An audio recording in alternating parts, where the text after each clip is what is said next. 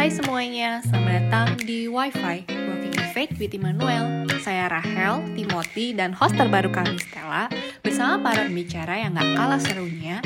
Kita akan sama-sama membahas banyak banget topik seputar kekristenan. So, jangan ketinggalan setiap episodenya ya. Selamat mendengarkan.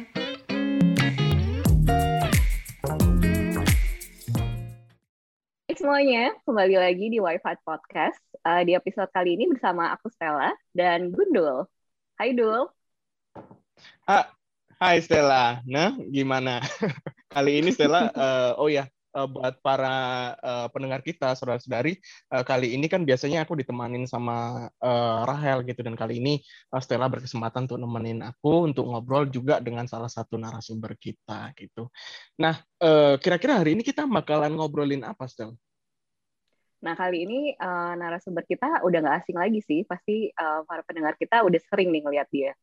Um, salah satu majelis baru kita, uh, namanya Adriel. Pasti udah nggak asing lagi kan namanya. Okay. Dan di episode kali ini, um, Adriel bakal berbagi nih sama kita uh, tentang panggilan dia menjadi majelis dan juga uh, pengalaman hidup dia bersama Tuhan selama 10 tahun terakhir. Nah, biar nggak panjang-panjang, kita langsung panggil aja kali ya, Dul. Uh, silakan boleh, Adriel. Boleh, boleh, Hai Adriel. Halo, halo Gundul. Halo Stella. Wah, akhirnya kesampaian juga ya bisa datang di WiFi ini. Uh, podcast iya. pertama bener kali. Benar juga, benar juga. Oh ya, mungkin buat fun fact, buat fun fact. Um, waktu kita awal-awal uh, uh, apa bersama-sama Rindu dalam pelayanan podcast ini gitu, yang ngebuat nama WiFi ini adalah saudara kita ini Adriel gitu. Jadi uh, ini salah satu uh, penggagas ya gitu penyusun namanya itu sendiri. Uh, gimana Drill uh, kabarnya gitu? Kayaknya kita udah lama banget padahal kita udah janjian dari kapan gitu untuk kita ngobrol tapi baru kali ini dapat kesempatan. Mungkin bisa iya nih, update gitu. Sorry lagi Bentar. ya uh, lumayan sibuk juga kan dari pekerjaan dan pelayanan juga. Tapi sebenarnya gara-gara belum um, ketemu deal aja sih pas itu sama produsernya kan karena lagi ngobrolin honornya gitu kan. Eh akhirnya kita bisa deal oh, juga gitu. jadi mau lah diundang gitu. Sebelumnya agak terlalu rendah gitu prosedurnya bercanda bercanda oke okay, oke. Okay. ya.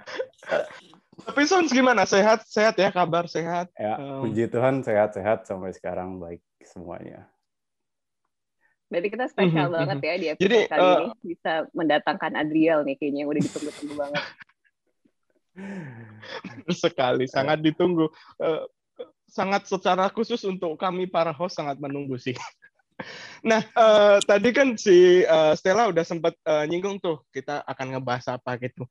Uh, dan Adriel juga sekarang udah ada di sini gitu. Jadi mungkin Drill uh, boleh uh, sedikit uh, uh, ceritain gitu ke kita uh, kenapa gitu uh, kok uh, Adriel sangat rindu gitu untuk bisa men-sharingkan hal ini gitu. Mungkin uh, sebelum masuk ke pembahasan yang lebih lanjut tapi mungkin bisa ngasih uh, sedikit uh, apa ya uh, uh, kasih petunjuk gitu kenapa kok Adriel punya kerinduan untuk bersaksi. Ya, aku ada dorongan aja gitu untuk sharingin pengalaman hidup aku karena ini adalah perjalanan bersama Tuhan yang aku juga belum pernah alamin gitu sebelumnya gimana uh, naik turunnya dan bisa dibilang ya um, satu tahun satu setengah tahun terberat juga dalam hidup aku ikut Tuhan. Dan aku girna banget gitu untuk sharingin ke saudara-saudari. Bukan supaya uh, kelihatannya keren apa gimana tapi ya supaya uh, nama Tuhan bisa dipermuliakan. Dan mungkin saudara-saudari juga ada yang mengalami pergumulan yang sama gitu uh, seperti aku. Dan bisa tetap setia dan tekun gitu ikut Tuhan. Hmm. Hmm, hmm, hmm. Mm -hmm. Jadi mungkin Stella yang lebih tahu mungkin uh, tadi kan Stella yang ngasih uh, uh, judulnya gitu mungkin uh, menurut Stella gimana gitu? Iya tadi kan Andrea mungkin juga udah bilang ya ada naik turunnya terus dibilang katanya udah mungkin salah satu satu tahun yang terberat juga buat um, Adriel sendiri mungkin bisa um, langsung diceritain gitu apa sih emang yang terjadi gitu um, awalnya dari um, kira-kira satu satu setengah tahun yang lalu gitu. Ya aku agak improve dikit ya soalnya tuh aku uh, baca kisah boleh, para rasul di kisah para rasul uh, pasal yang ke-27 itu ngegambarin banget gimana uh, hidup aku sih satu setengah tahun terakhir ini gitu ya. Uh, kalau saudara, uh, saudara-saudari atau pendengar semua pernah baca kisah Rasul tuh seru banget sih. Uh, kalian mesti baca.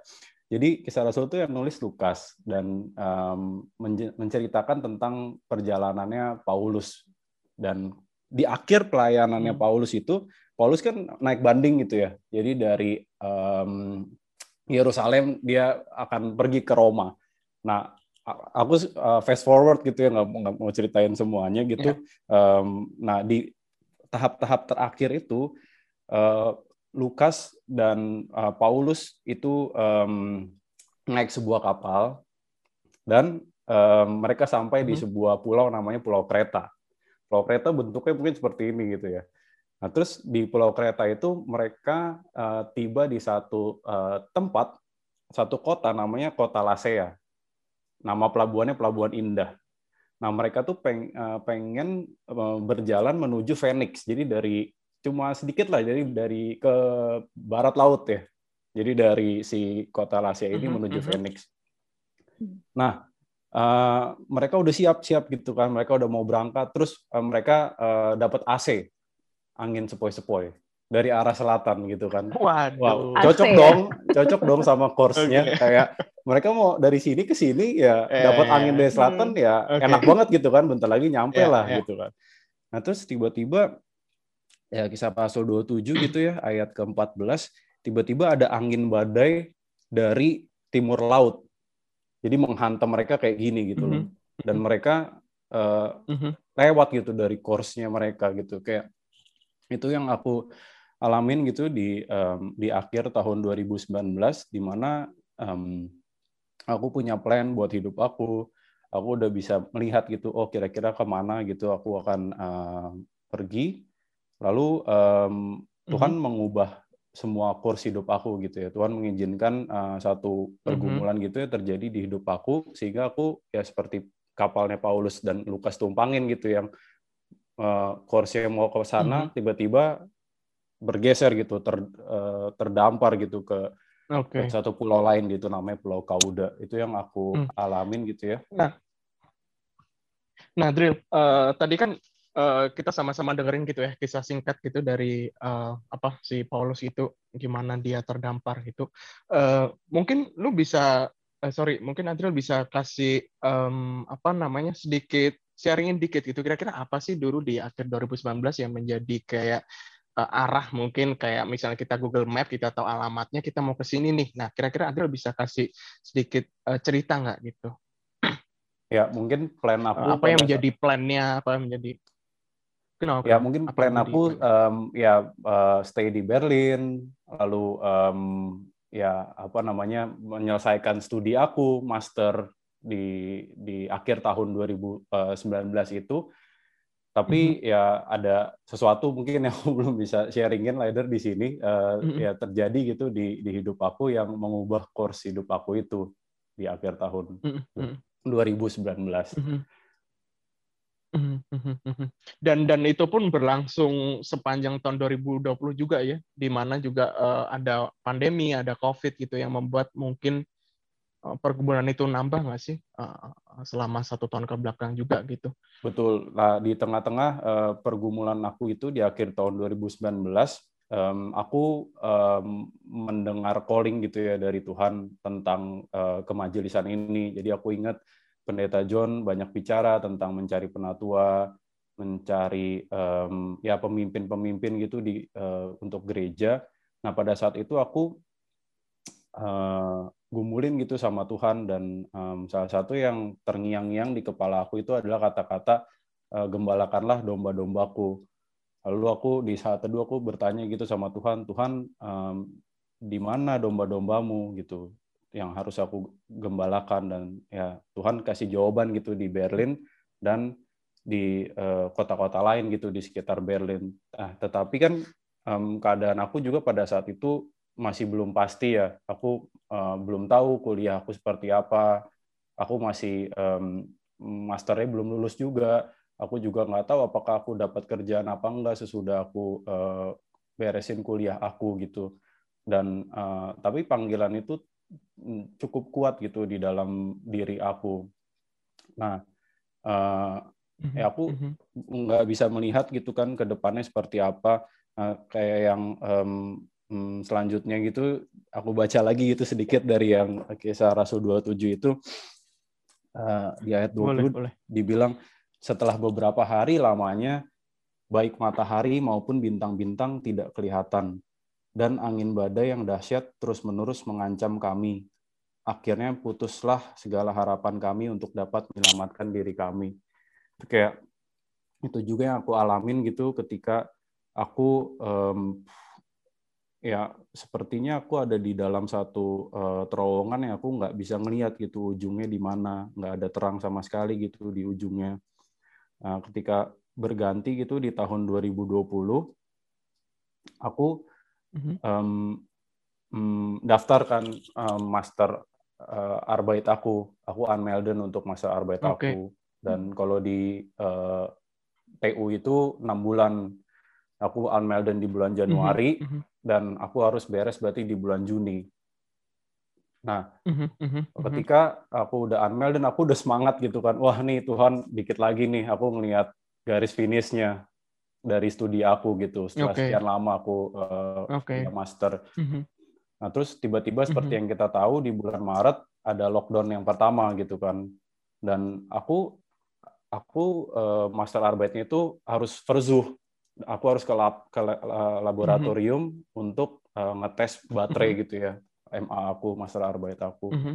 dan pada saat itu aku bertanya-tanya -hmm. sama Tuhan Tuhan kenapa Tuhan izinin ini terjadi gitu aku baru baru daftar nih aku udah semangat dan Tuhan kasih lockdown karena lockdown ini aku nggak bisa ngapa-ngapain soalnya kan uh, data aku belum banyak untuk bisa aku uh, diskusi kasih diskusi gitu kan untuk aku bearbaitan belum banyak datanya okay. sampelnya karena baru versu dua bulan okay. kira-kira mm-hmm. ya mm-hmm. di mhm. bagian situ aku ya bertanya-tanya gitu sama Tuhan tentang apa sih yang Tuhan mau gitu kenapa Tuhan izinin ini terjadi gitu di kuliah aku mhm, mhm. Berarti itu uh, uh, pergumulan di dalam uh, studi Adriel ini salah satu pergumulan juga yang uh, Adriel harus hadapi gitu ya uh, selain yang tadi juga di uh, awal tadi juga Adriel juga sempat sharing ketika mendengarkan khotbah dari uh, pendeta kita gitu Om John um, bagaimana uh, Tuhan rindu juga memakai Adriel gitu ya dalam dalam pergumulan di pelayanan kemajelisan itu sendiri kayak gitu. Um, um, apa sih yang membuat uh, uh, uh, um, apa ya? kira-kira uh, apa yang menjadi pemikiran manusia Adriel gitu waktu itu uh, ketika harus diperhadapkan mungkin berbagai kesulitan padahal mungkin secara uni Adriel udah ngeplan gitu kan untuk untuk hmm. bisa kayak selesai nih dalam enam bulan tapi ketika kayak jebret gitu eh kok kayaknya mana mungkin ini lockdown kayak gitu dan dan pandemi sangat hmm. merajalela waktu itu di di Jerman secara khusus gimana gitu apa ya. menjadi uh, isi hati Adriel waktu itu pemikiran aku jujur aja ya dul uh, Stel aku pengen off Gaben sih pada saat itu. Jadi aku hmm. berpikir bahwa oh Tuhan kenapa Tuhan izinin ini terjadi gitu buat aku. Aku aku udah mulai kepikir bahwa oh ya udah aku at least aku masih punya udah punya bachelor di di kantong. Aku uh, mau pulang gitu ke Indonesia untuk mau anfangen gitu loh di di Indonesia gitu karena ya di blok gitu ya.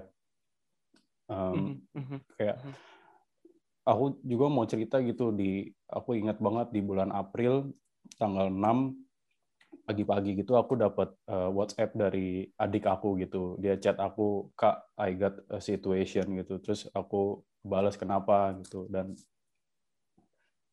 ya tiba-tiba dia kirim satu uh, foto USG gitu. Um, terus dia dia chat aku gitu, dia bilang, "Kak, uh, sorry uh, aku bikin malu kamu dan keluarga. Kalau kamu mau um, kutuk aku, kutuk aku aja gitu.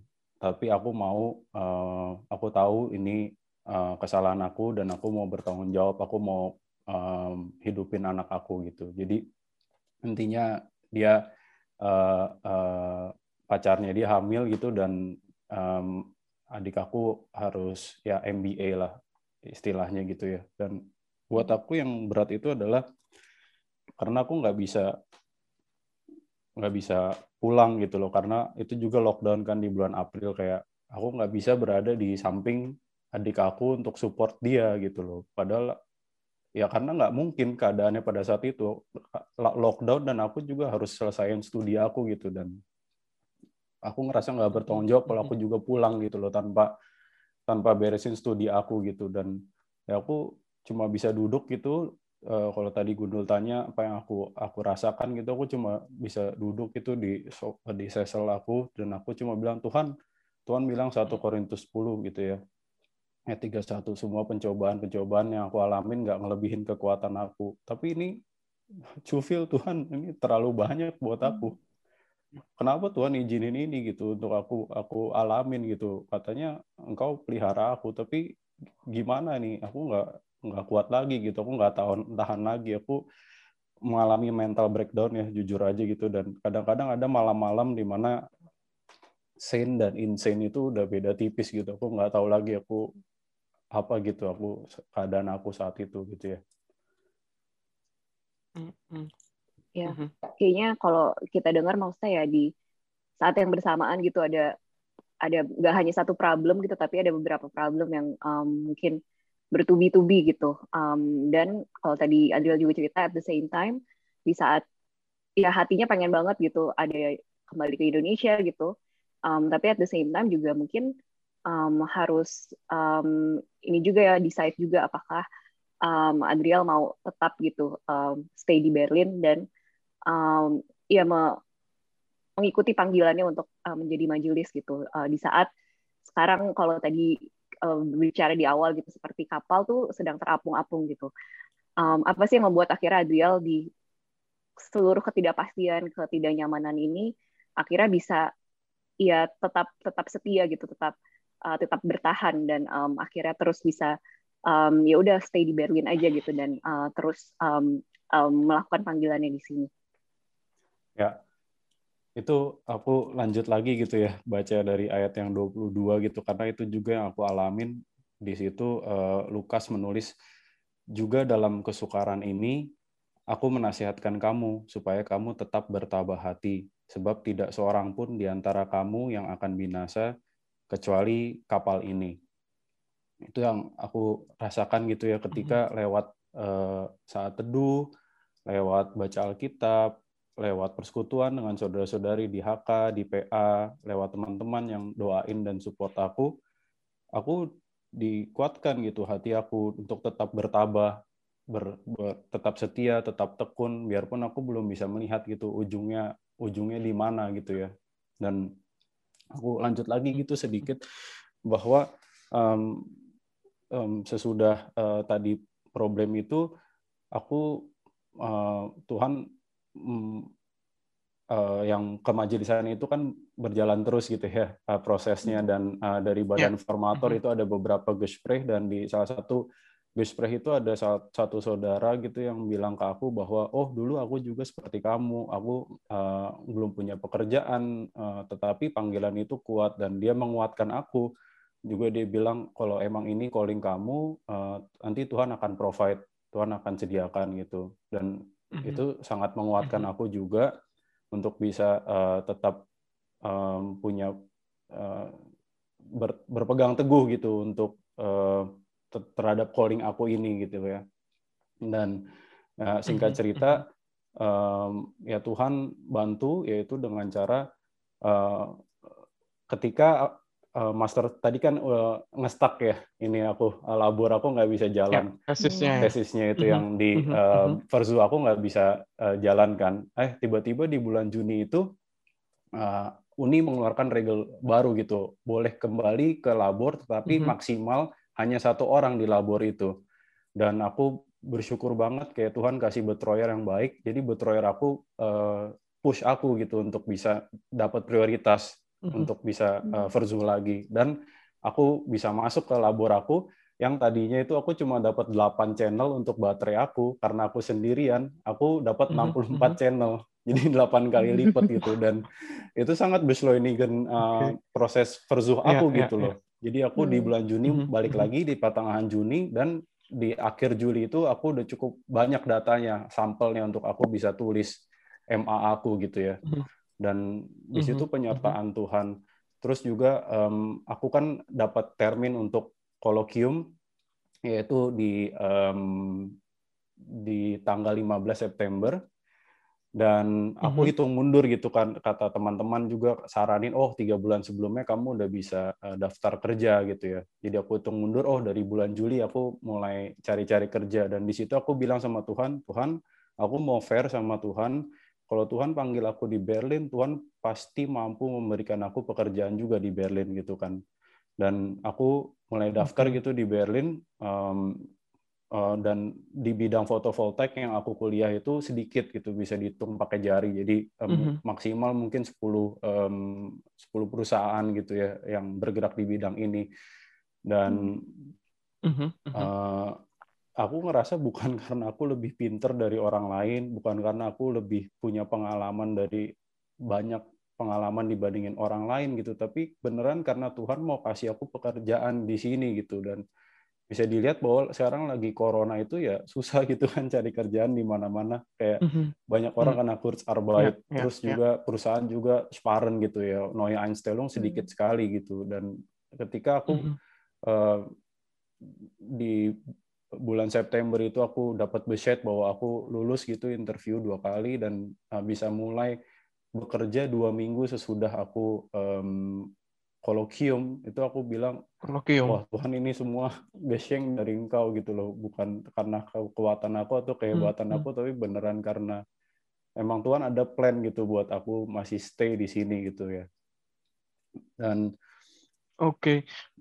ya dulu berarti itu uh, uh, perjalanan lu bergumul tadi kan ada berbagai ini ya pergumulan yang uh, Tuhan izinin gitu dalam hidup lu termasuk tadi pergumulan keluarga, pergumulan lu di mana uh, kerjaan, terus uh, uni gitu dan aku sendiri juga seorang uni mungkin se eh seorang student sorry seorang uni uh, seorang student gitu ya. Uh, ketika mungkin nggak uh, tahu secara plan tuh mestinya Adriel mesti nyelesain um, apa namanya uh, uh, uh, versuhnya itu berapa lama atau kapan gitu mesti selesai harusnya?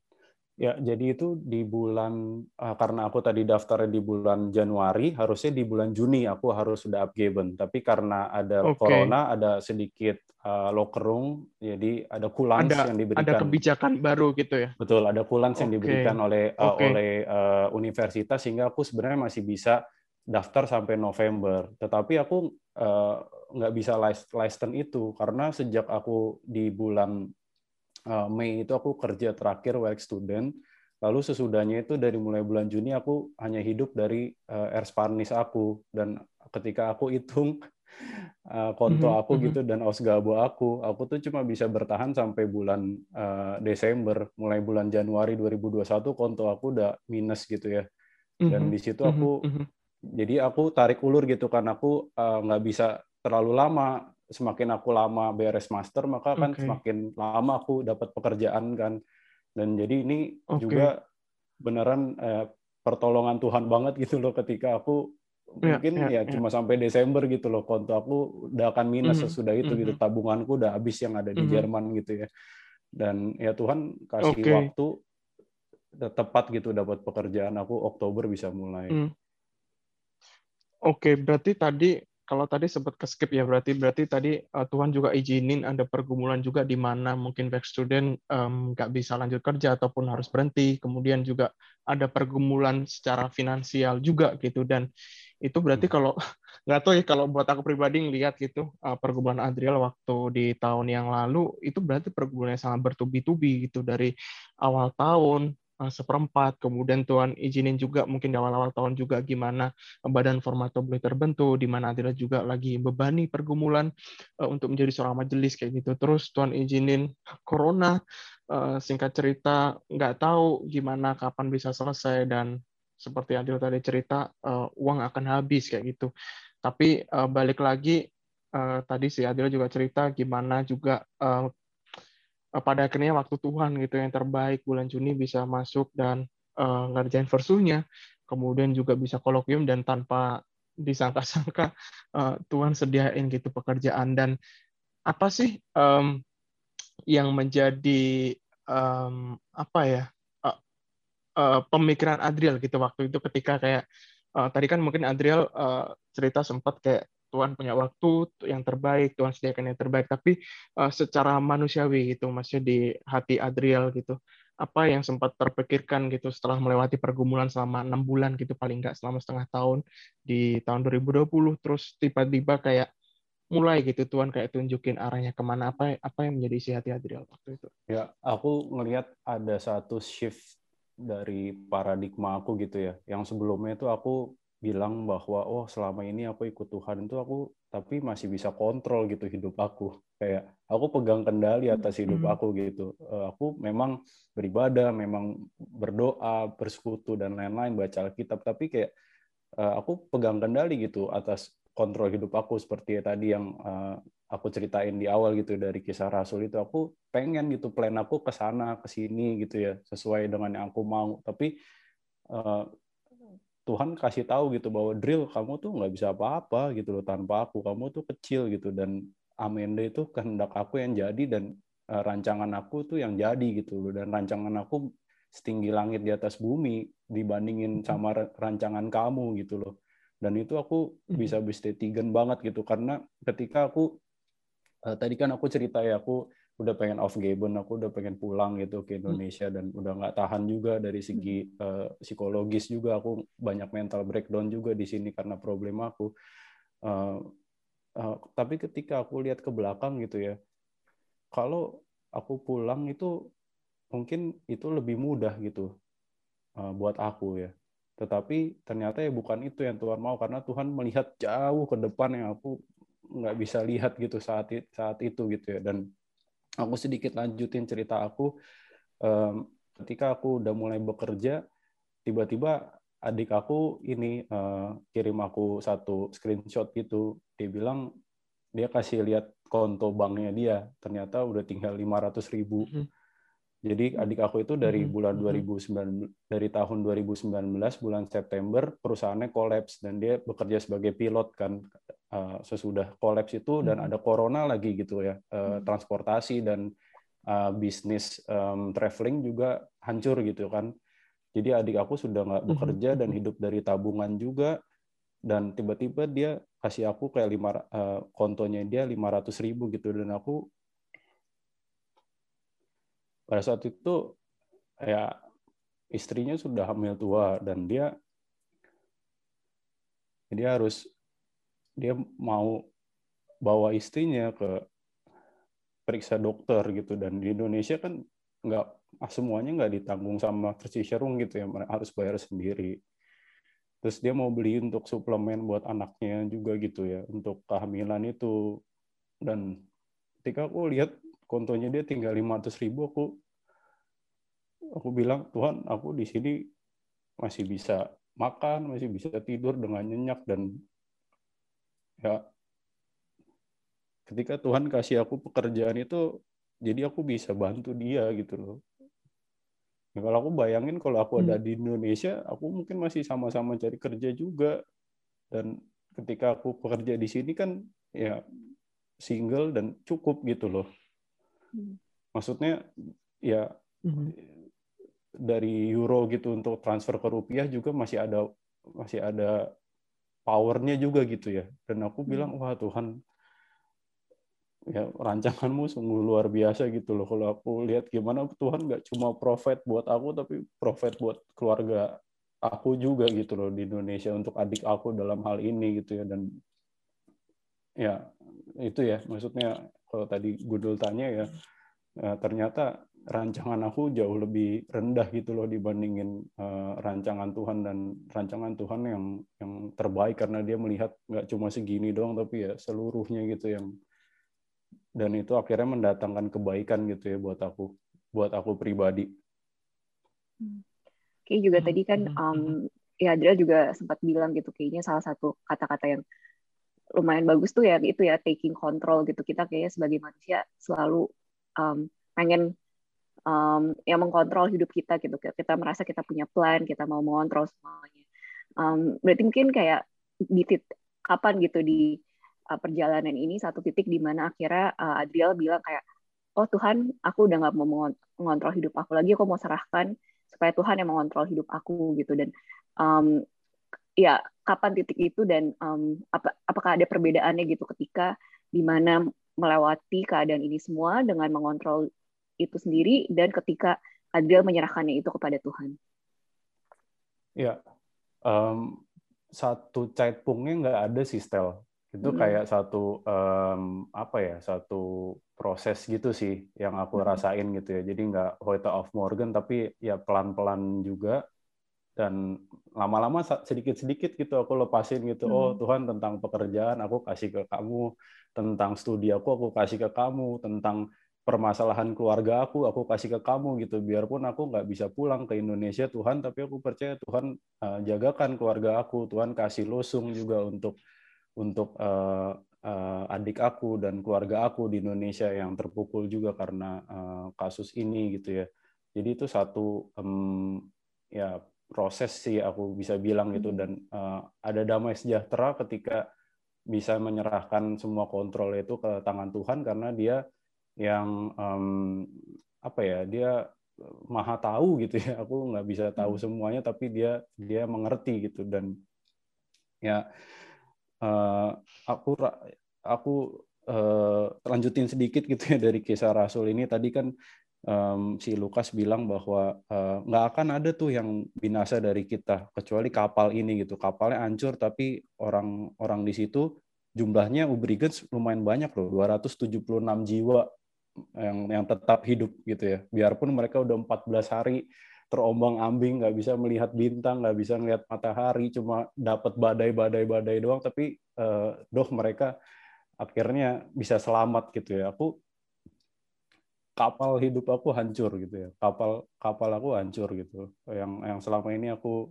uh, pikir oh ini jalannya udah baik dan aku udah bangun gitu uh, uh, Tuhan hancurin gitu kapal aku. Tapi aku selamat gitu loh. Dan aku selamat aku bisa bilang menjadi uh, Adriel yang lebih murni di mata Tuhan, menjadi Adriel yang lebih kuat, lebih setia uh, kepada Tuhan. Dan aku uh, sangat bersyukur gitu untuk apa yang aku alamin gitu ya. Yang Tuhan izinin aku rasakan lewat hal ini gitu. Dan ketika ketika semua yang kita bangun itu Tuhan rontok, runtuhin gitu, Tuhan ancurin, itu ada satu pondasi batu karang yang paling teguh yang masih ada di bawah yaitu Yesus Kristus. Itu baru aku ngerasain ketika aku udah hit the bottom gitu. Akhirnya wah, ternyata yang paling keras itu Tuhan Yesus gitu yang yang paling batu karang yang paling teguh gitu ya. Ketika semua di hidup aku hancur gitu ya. Mungkin buat uh, saudara-saudari yang belum mengenal Kristus ketika saudara-saudari belum mengenal Kristus, saudara-saudari berjalan sendirian.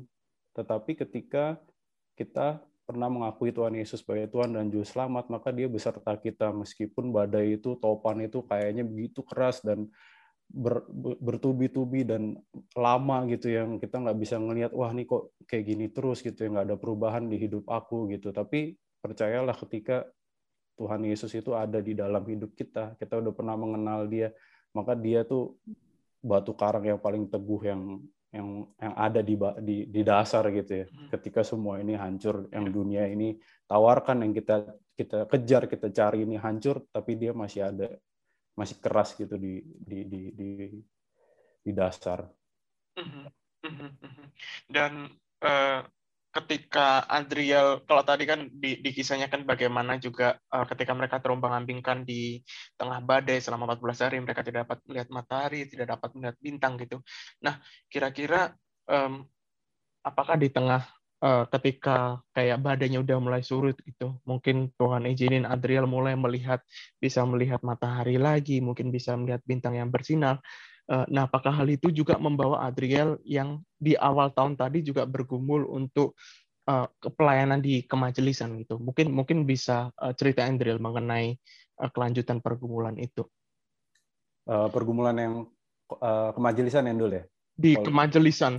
Ya. Genau, di kemajelisan. Benar.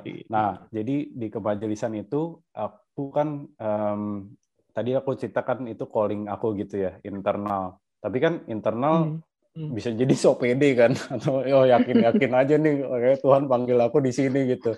Nah ya perlu eksternal juga gitu kan dan ya ketika dalam gospel itu aku tanya gitu ke badan formator uh, apa namanya bener nggak ini uh, apa namanya aku mengajukan diri tapi uh, ya bagaimana dari saudara-saudari yang lain? Oh ternyata ada juga gitu yang mencalonkan aku. Jadi itu yang kayak buat bestetigung juga sih buat aku untuk meneruskan gitu ya yang ke majelisan ini. Dan aku bilang ke mereka ke badan formator itu bahwa uh, aku nggak tahu um, kan itu gesprechnya aku agak lupa deh uh, tapi kayaknya di tengah-tengah um, tahun gitu ya. Yang pasti aku belum belum dapat pekerjaan aku belum hmm. belum lulus master gitu. Dan aku bilang teman-teman uh, kalau teman-teman mau ajukan aku sebagai uh, calon majelis kita melangkah dalam iman bersama-sama yuk gitu. Aku bilang ke mereka. Hmm. kita nggak tahu apa-apa. Aku nggak hmm. bisa jamin sama mereka bahwa aku Oktober tahun lalu tuh masih di Berlin.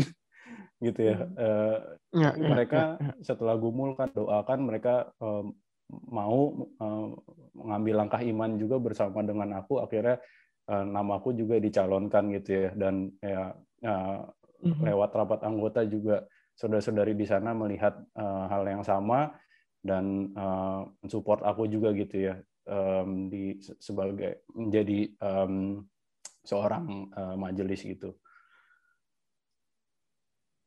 Mhm, mhm. Berarti uh, ketika um, melewati uh, pergumulan kemajelisan ini, uh, uh, pergumulan yang sebelum-sebelumnya juga belum 100% selesai ya, Drill ya? Uh, tapi ya. juga beriringan gitu ya? Betul. Oke, okay, oke. Okay. Wah gila, luar iya. luar biasa juga ya di saat uh, banyak bertubi-tubi mulai dari uni, keluarga, pekerjaan dengan segala ketidakpastian yang ada kapal mungkin istilahnya tadi kapal udah hancur lebur gitu kayak uh, hmm. tapi gimana uh, Adrian sendiri masih bisa uh, bersama Tuhan gitu ya merasakan bersama Tuhan sampai akhirnya ada di titik sekarang. Nah mungkin um, hal apa sih Drill yang pada akhirnya uh, Adrian sendiri akhirnya kayak mantep Tuhan ya udah deh uh, ini gitu uh, yang yang Tuhan mau aku mau kerjakan kayak gitu. Hmm. di di mungkin di kepelainan majelisan maksud aku. Ya.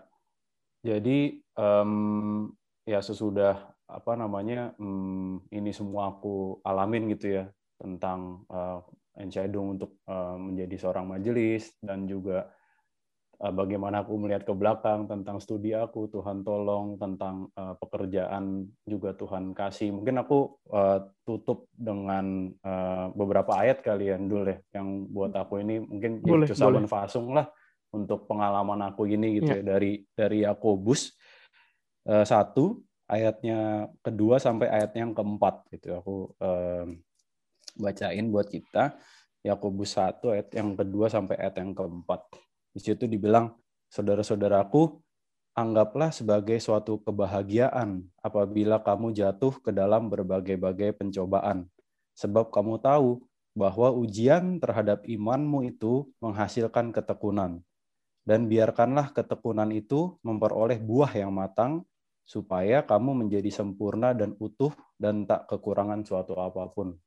Ini kayak buat aku yang bisa cusa menfasen lah eh, pengalaman aku gitu ya Yakobus bilang berbahagialah kamu malah kalau kamu itu uh, ngalamin berbagai pencobaan gitu.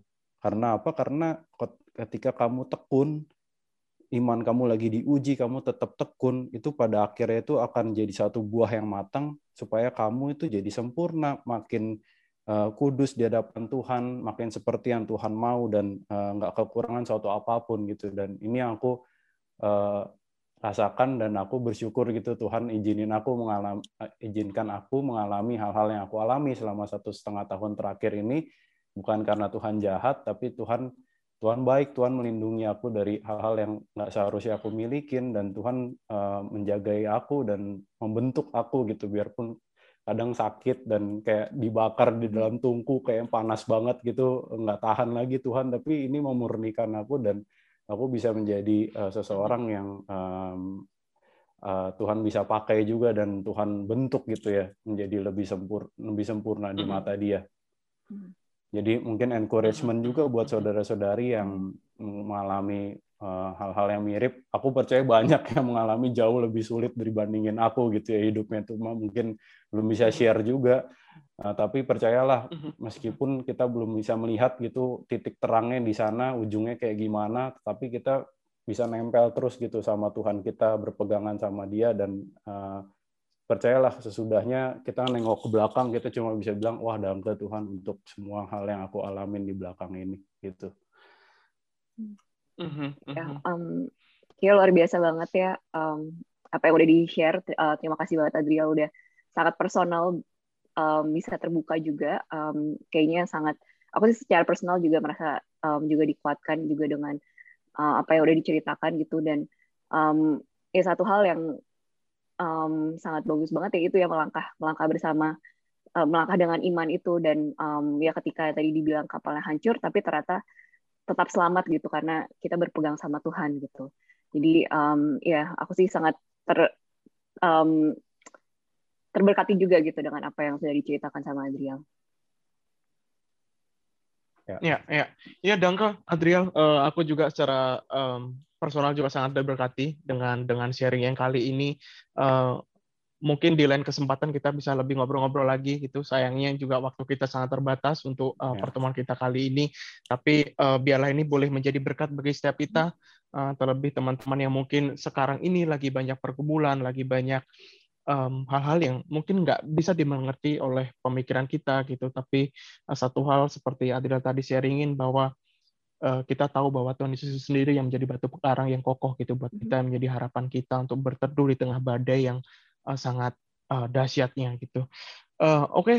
uh, untuk pertemuan kali ini uh, dari kami sangat terima kasih Adriel sekali lagi boleh ya. sharing, ya. boleh ngobrol dengan Sama-sama, kita. Jangan kapok-kapok. Ya. Semoga Semoga next Mal kita bisa ngobrol-ngobrol lagi di ketemuan kesempatan uh, selanjutnya. Dan buat saudara-saudari, uh, terima kasih juga udah boleh mendengarkan episode kita kali ini.